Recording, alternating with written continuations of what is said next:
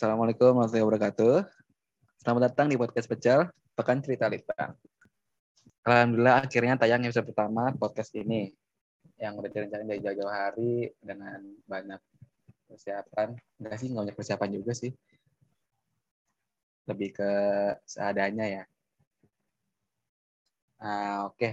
Sebelum kita mulai podcast ini, gue mau kenalin diri gue dulu. Nama gue Muhammad Ridwan. Dan gue di sini nggak sendirian, gue ditemenin sama Roy. Mana Roy suaranya? Halo, halo, halo. Kenalin nama gue Roy Jaya. Biasa dipanggil Rafathar biar jadi sultan lah gitu. lanjut, lanjut, Bang. Oke, jadi di episode pertama ini kita bakal ngebahas tentang atau seputar PKL atau magang lah ya. Kita pengen bicara-bicara santai aja dengan narasumber kita. Pada episode kali ini, narasumbernya itu adalah saudara Panji. Boleh saudara Panji pendataan dirinya? Halo, uh, kenalin nama gue Panji Mahesa dari Kimia 18. Mungkin pada podcast kali ini gue akan sedikit menyampaikan pengalaman gue tentang uh, proses dalam menjalani PKL. Boleh tuh bang, kayaknya keren banget sih bang ya.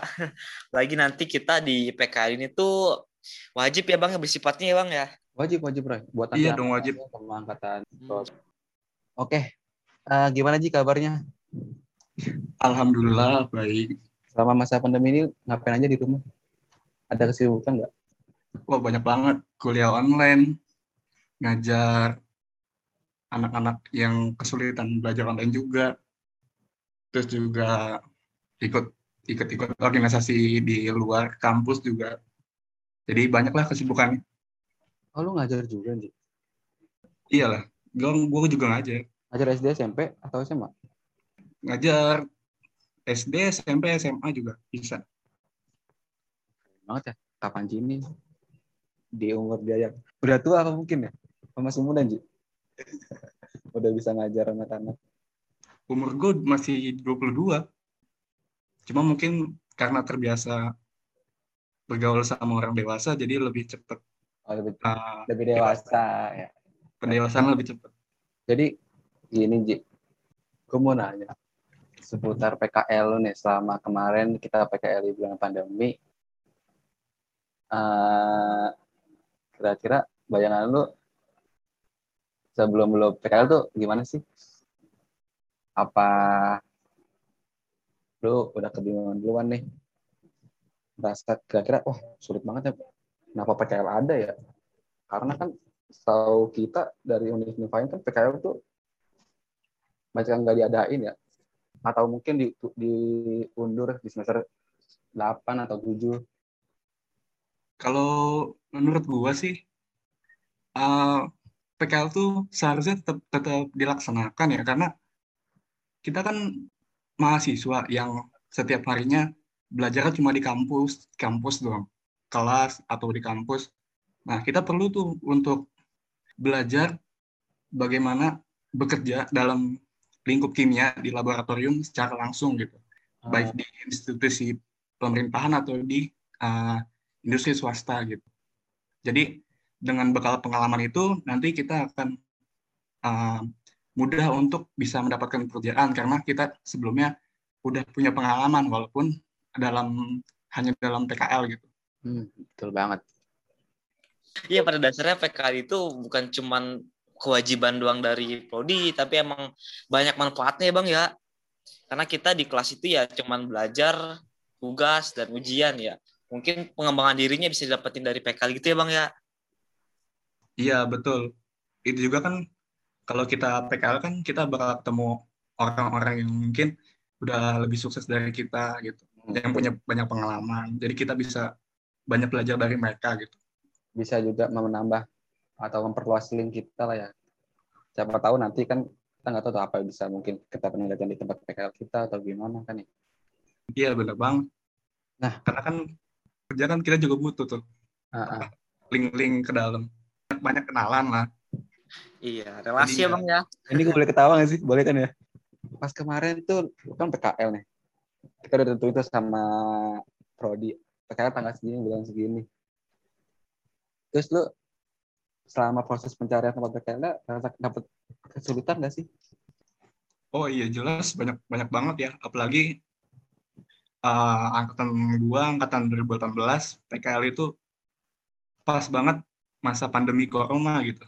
Banyak banyak uh, perusahaan-perusahaan atau instansi yang tidak menerima mahasiswa PKL karena ya mereka takut juga bahwa kita mahasiswa nih mungkin aja bawa virus corona gitu kan ke tempat ya. mereka gitu.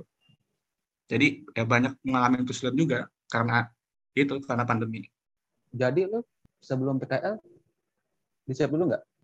Karena gue waktu itu gue juga gue juga PKL ya soalnya ya. Kemarin jadi gue juga di swab dua kali dalam setelah waktu seminggu atau dua minggu gitu masalah gue lupa. Kalau di swab ngaji? Kalau gue kenapa? Tadi lo di swab atau enggak? Ah, jadi gue juga dari uh, ketentuan perusahaannya atau instansinya itu mayoritas mewajibkan untuk ada yang mewajibkan untuk swab atau rapid gitu. Tapi gue sih nggak sampai swab, cuma rapid. Oh ya rapid. Uh, rapid juga aja. rapid dua kali ya. Nah itu lo pas rapid ngeluarin biaya nggak? Kalau gue kan ngeluarin biaya nih. Nah gue satu kali rapid tuh seratus ribu ya, salah ya? Lupa sih gue. Nah gue kebetulan gue kan PKL di PT KEBTK kan di Kementerian uh. SDM.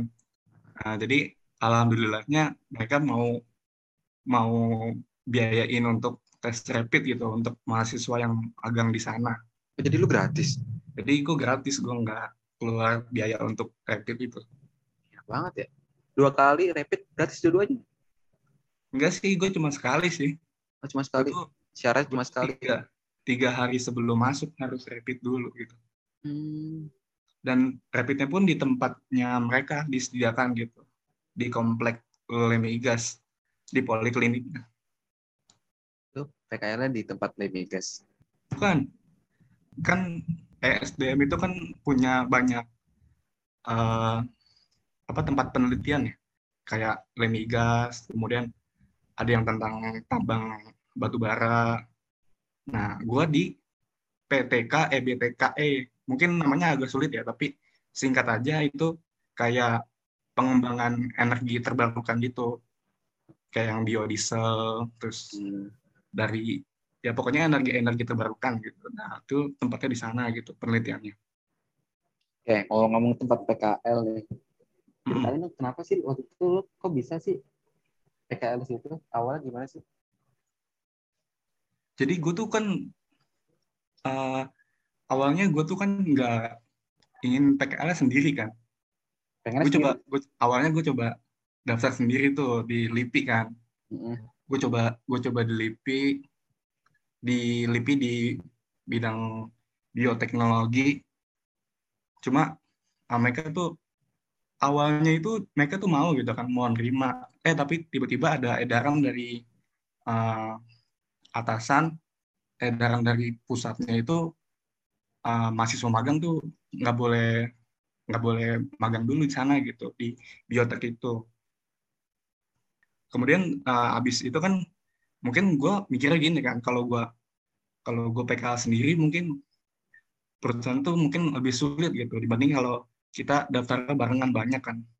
Ya uh, jadi iya jadi lebih uh, oh ini ternyata mahasiswa UIN banyak yang minat minat untuk magang di sini gitu. Mungkin mereka bisa lebih menghargai. Makanya gue coba uh, mencari teman untuk PKL alhamdulillah dapat tiga orang yang PKL bareng gue Nah, dari situ tuh kita mulai mulai banyak cari-cari tempat PKL.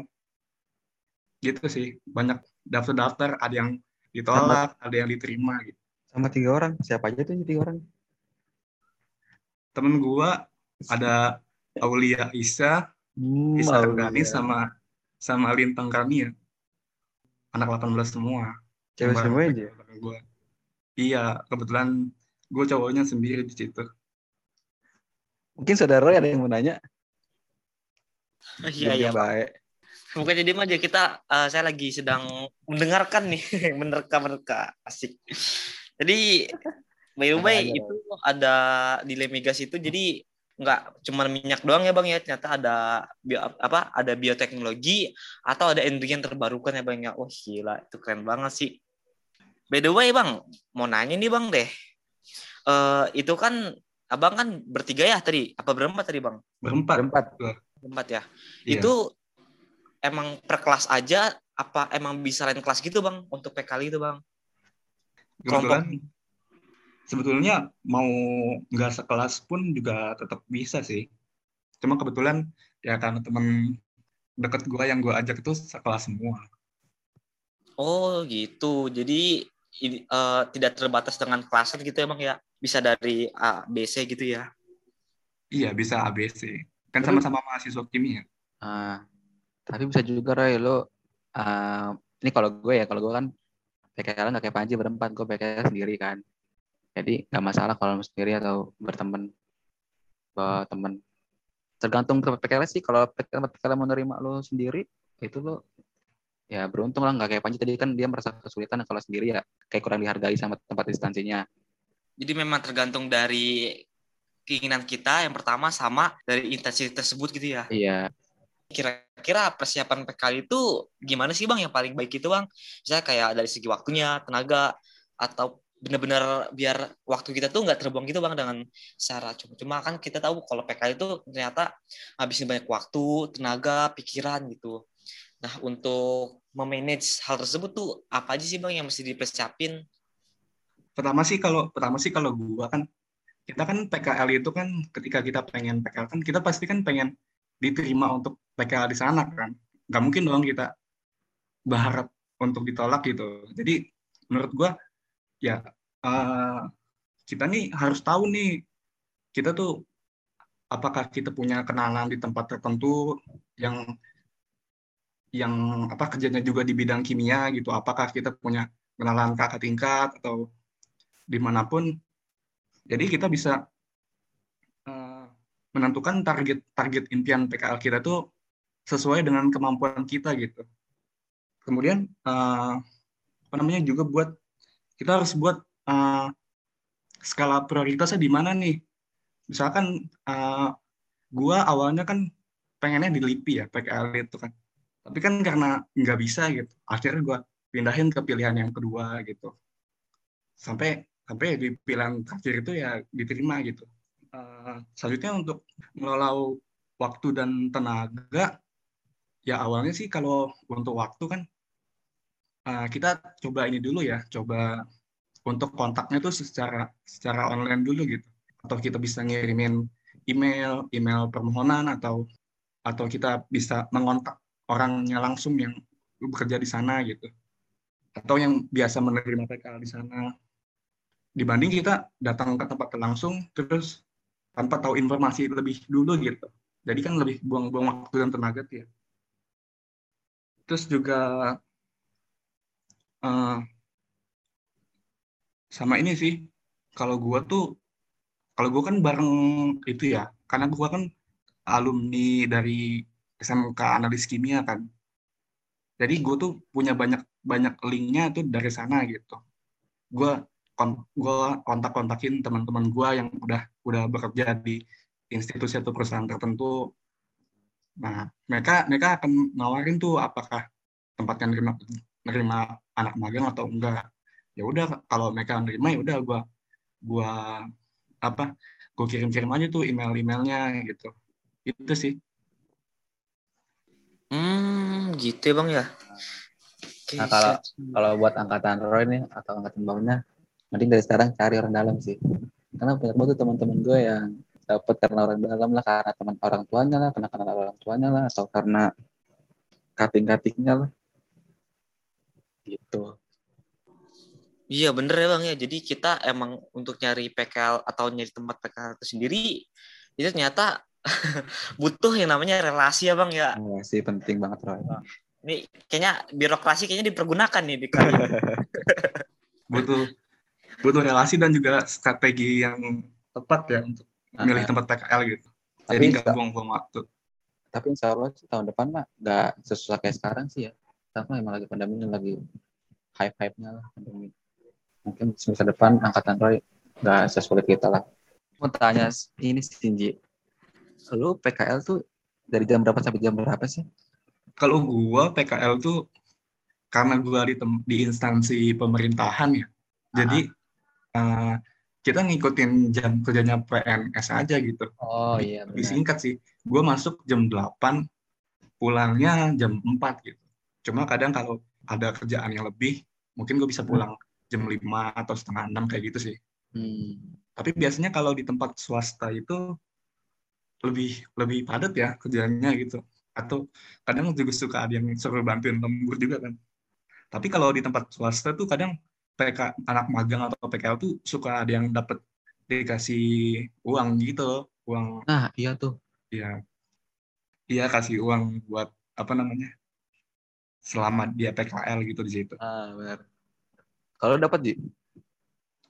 Kalau gue enggak, gue juga enggak gue di pas pas PKL di kuliah nih nggak dapet kan karena gue di apa di instansi pemerintahan gitu tapi dulu kalau pas gue masih SMK tuh nah tuh gue dapet tuh eh, tempat PKL yang royal gitu ngasih ngasih mak apa dikasih anak PK magangnya dikasih makan siang dikasih uang saku gitu sebulan lumayan juga kan Lumayan sih. Gue juga ngiranya pas kita PKL tuh kita dapat uang ya, tapi ya kita nggak berharap lah ya. Yang dapat tempat PKL aja kita udah bersyukur sih. Tapi orang orang tua mikirnya, kamu PKL dapat uang nggak?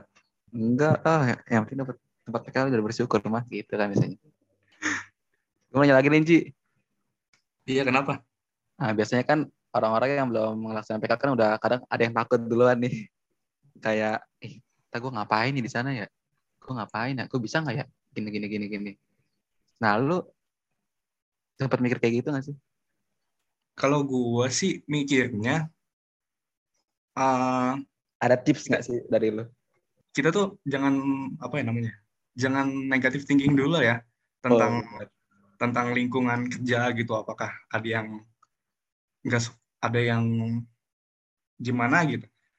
Kita mikirnya oh mereka semua tuh orang yang baik yang mau ngajarin kita gitu. Mereka tuh punya banyak pengalaman Se- selagi kitanya datang dengan baik dengan sopan mematuhi peraturan yang ada di tempat itu gua rasa sih nggak akan ada masalah sih kan kita juga tujuannya kan juga untuk um, belajar dan juga untuk membiasakan untuk berada di lingkungan kerjaan gitu. Pasti berlatih lah intinya i- istilahnya.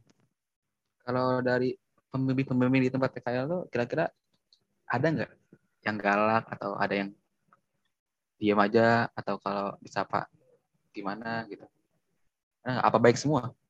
Wah, alhamdulillah sih gue selama PK PK atau magang tuh dapetnya lingkungan yang yang baik gitu, yang support Oh, bisa support enak. kita gitu, bisa ngajarin kita. keren sih tempat PKL lu sih. Oke, mungkin Roy, ada yang mau ditanya nggak dari kepada kakak Panci? siap siap Apa mau nanya soal penyitaannya sama PKL? jangan dulu deh Oh. itu mending kita PC aja ya Atau kita omongin di belakang aja nanti? lanjut nih bang Eh, Ayo lanjut. alasan milih tempat PKL itu di tempat abang tuh karena apa tuh bang? Kan nggak mungkin dong kita kayak suka sama dia tuh karena nggak ada alasan gitu. Bisa ceritain bang alasannya memilih tempat PKL? Pasti awalnya setiap mahasiswa itu kan punya idealisme ya. Idealisme dia apakah oh dia gue tuh sukanya bidang pangan gitu. Mungkin dia bisa daftar ke magang ke BPOM atau gue gue sukanya nih kalau gue kan suka di bidang en- energi ya. Energi tambang keminyakan gitu gue seneng. Makanya gue uh, coba tuh tempat-tempat yang seperti itu gitu. Atau juga gue seneng juga yang kepenelitian gitu. Jadi makanya waktu itu pernah sempat coba LIPI juga kan nah yang pertama karena itu kan karena kita punya passion sendiri gitu. Apakah kita mau ke bidang yang mana? Terus yang kedua sih kalau gue gue lebih memilih tempat yang terjangkau sih ya dari rumah dari rumah gue supaya gue tuh nggak ngeluarin uang buat kos gitu. Kan cuma sebulan ya PKL ya. Terus juga lebih apa sih eh, karena lebih dekat jadi karena lebih dekat tuh gue lebih gampang untuk bisa apa eh, bolak-balik ngurusin gitu aja sih dari PKL ke rumah gitu. Hmm, Dan juga dan juga satu lagi alasan memilih tempat PKL tuh gue karena punya temen, karena punya kenalan di sana gitu. Kan kita kalau udah punya kenalan kan enak ya tempat PKL gitu. Ah benar. Ada yang ada yang ngabimbing kita gitu di sana gitu. Itu sih. Oke, jadi emang karena alasan kita memilih PKL itu yang pertama tuh berdasarkan idealis kita ya bang ya. Lebih ke fashionnya ke mana gitu. Kalau emang kita suka sama bidang pertanian mungkin bisa di LIPI Bogor kali gitu ya bang ya. Terus lebih terjangkau juga gitu biar nggak ngabisin terlalu banyak biaya. Takut tadi bener kata abang tuh ngekos tambah tambahan buat biaya makan sehari-hari keperluan kehidupan itu kan lebih banyak keluarin dana lagi gitu. Terus tentunya tadi ada kenalan jadi biar lebih dipermudah aja gitu ya bang ya dalam proses PKL nih ya Iya betul. Kalau gue sih kayak gitu ya. Alasan gue pilih tempat PKL. Oke. Oke, Pertanyaan terakhir itu. buat Panji. Suka dukanya PKL di buat PKL gimana Ji? Lebih banyak kalau gue sih lebih banyak sukanya ya dibanding dibanding Apa tuh sukanya? Suka sama orang? dukanya. Waduh. Kadang sukanya tuh kalau kita sukanya tuh kalau kita punya teman yang teman yang bisa support gitu pas PKL. Untung untung aja gue PKL nggak sendiri kan. Kalau sendiri mungkin gue nggak tahu deh kayak gimana. Ah gue sendiri Ji. Tapi ya jadi gimana gimana Iya sih? sih. Jadi itu sih gue dapet teman-teman yang eh, enak buat diajak kerjasama untuk saling sama-sama belajar gitu. Terus juga suka sukanya itu gue dapet pembimbing yang baik gitu, yang mau ngajarin gue, mau berbagi pengalaman, mau apa namanya nunjukin insight gitu. Eh, gimana sih nanti kalau pas kita udah lulus kuliah, apakah harus apa menempuh pendidikan lagi atau langsung bekerja gitu sih lebih ke mereka mereka mau berbagi pengalaman gitu terus sukanya juga ya gue dapat banyak bisa belajar? Apakah pelaj- pelajaran yang nggak didapat di kampus? Atau bisa mempelajari kayak alat atau instrumen yang yang nggak ada di kampus gitu? Sama sukanya juga gue dapat banyak relasi gitu dari tempat PKL-nya kalau dukanya dukanya tuh gue lebih sulit untuk mikir nih ya tapi kadang dukanya tuh kadang lebih ke arah ini sih lebih kayak kan kita kan kayak udah mau biasanya di kampus tuh uh, belajar terus ya di sana kan bekerja gitu lebih banyak ngabisin tenaga lah istilahnya jadi lebih capek aja sih Dari jam berapa? Jam 8 sampai sore kan tuh full ya. ya jam Istirahat 8 paling- sampai sore. Istirahat zuhur nggak salah ya. Iya benar banget tuh Iya. kata Kak Panji.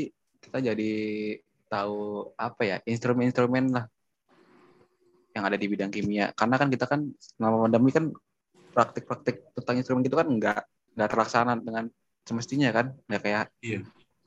normal kan. Jadi kita dapat ilmunya ya di tempat PKL lah alhamdulillahnya. Jadi tahu AS kayak gimana, HPLC gimana, GCMS kayak gimana. Ya meskipun nggak terlalu bisa mengoperasikannya gitu ya.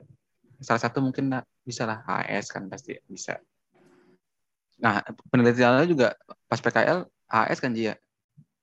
iya gue pakai alatnya alat AS sebetulnya pas di sana sih penelitiannya tentang AS cuma gue juga mm, uh, banyak pakai alat yang lain gitu kayak GCMS, spektro FTIS, waktu UV terus juga bom kalorimeter yang yang modern kayak gitu sih.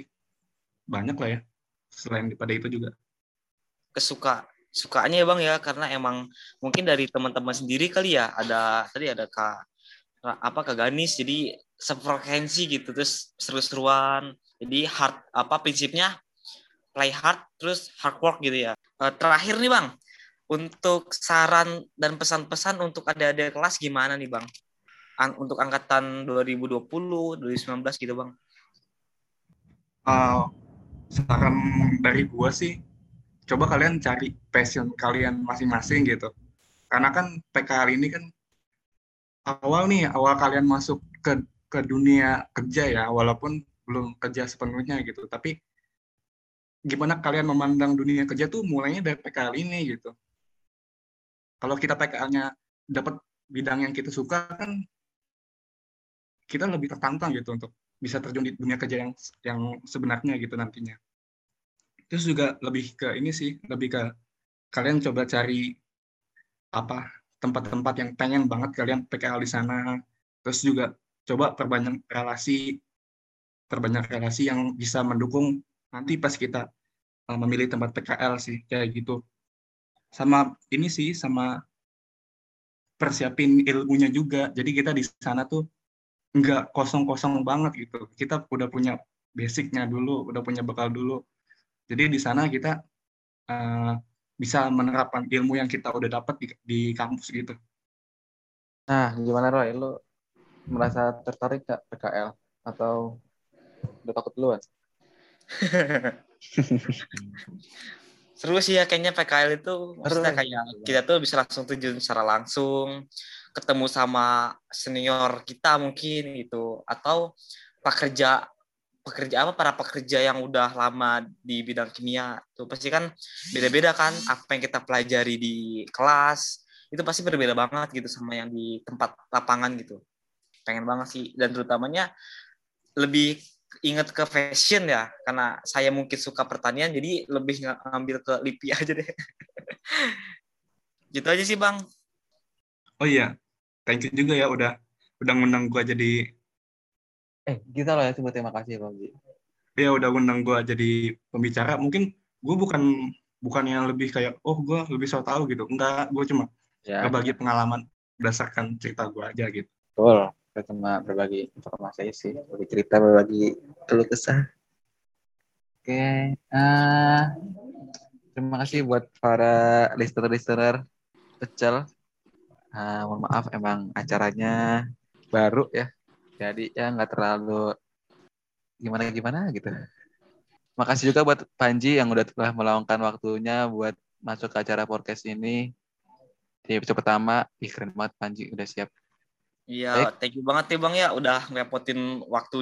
Sukses selalu Bang untuk skripsiannya minggu depan ya. Asik minggu depan cepet banget. Aduh, skripsi. Amin, amin. Kayak laporan PK aja belum kelar, Ji. oh, udah dong. Eh, sudah itu udah. Eh, nanti kita ngomongin nanti ya. Tuh, emang hebat nih Bang Panji ini selain bisa menaklukkan ular. Wah, beda itu, Ray. Itu. Oh iya, beda ya. Panji petual. Parah pokoknya terima kasih banyak ya untuk Bang Panji ini atas waktunya dan materinya ini bermanfaat banget nih buat teman-teman semua. Jadi kita bisa tahu gitu dunia PK itu seperti apa. Terus tadi gimana sih cara masuk ke, ke tempat PK tersebut. Terus uh, menemukan fashion kita gitu yang lebih utama sama yang terakhir tuh target atau skala prioritas kita di PK tersebut gitu. Jadi biar lebih ke manage aja sih Terima kasih sebelumnya, mohon maaf bila ada kesalahan, mohon dibukakan pintu maaf yang sebesar-besarnya. Dan sampai jumpa untuk podcast yang kedua berikutnya. Wassalamualaikum warahmatullahi wabarakatuh. Waalaikumsalam. Waalaikumsalam.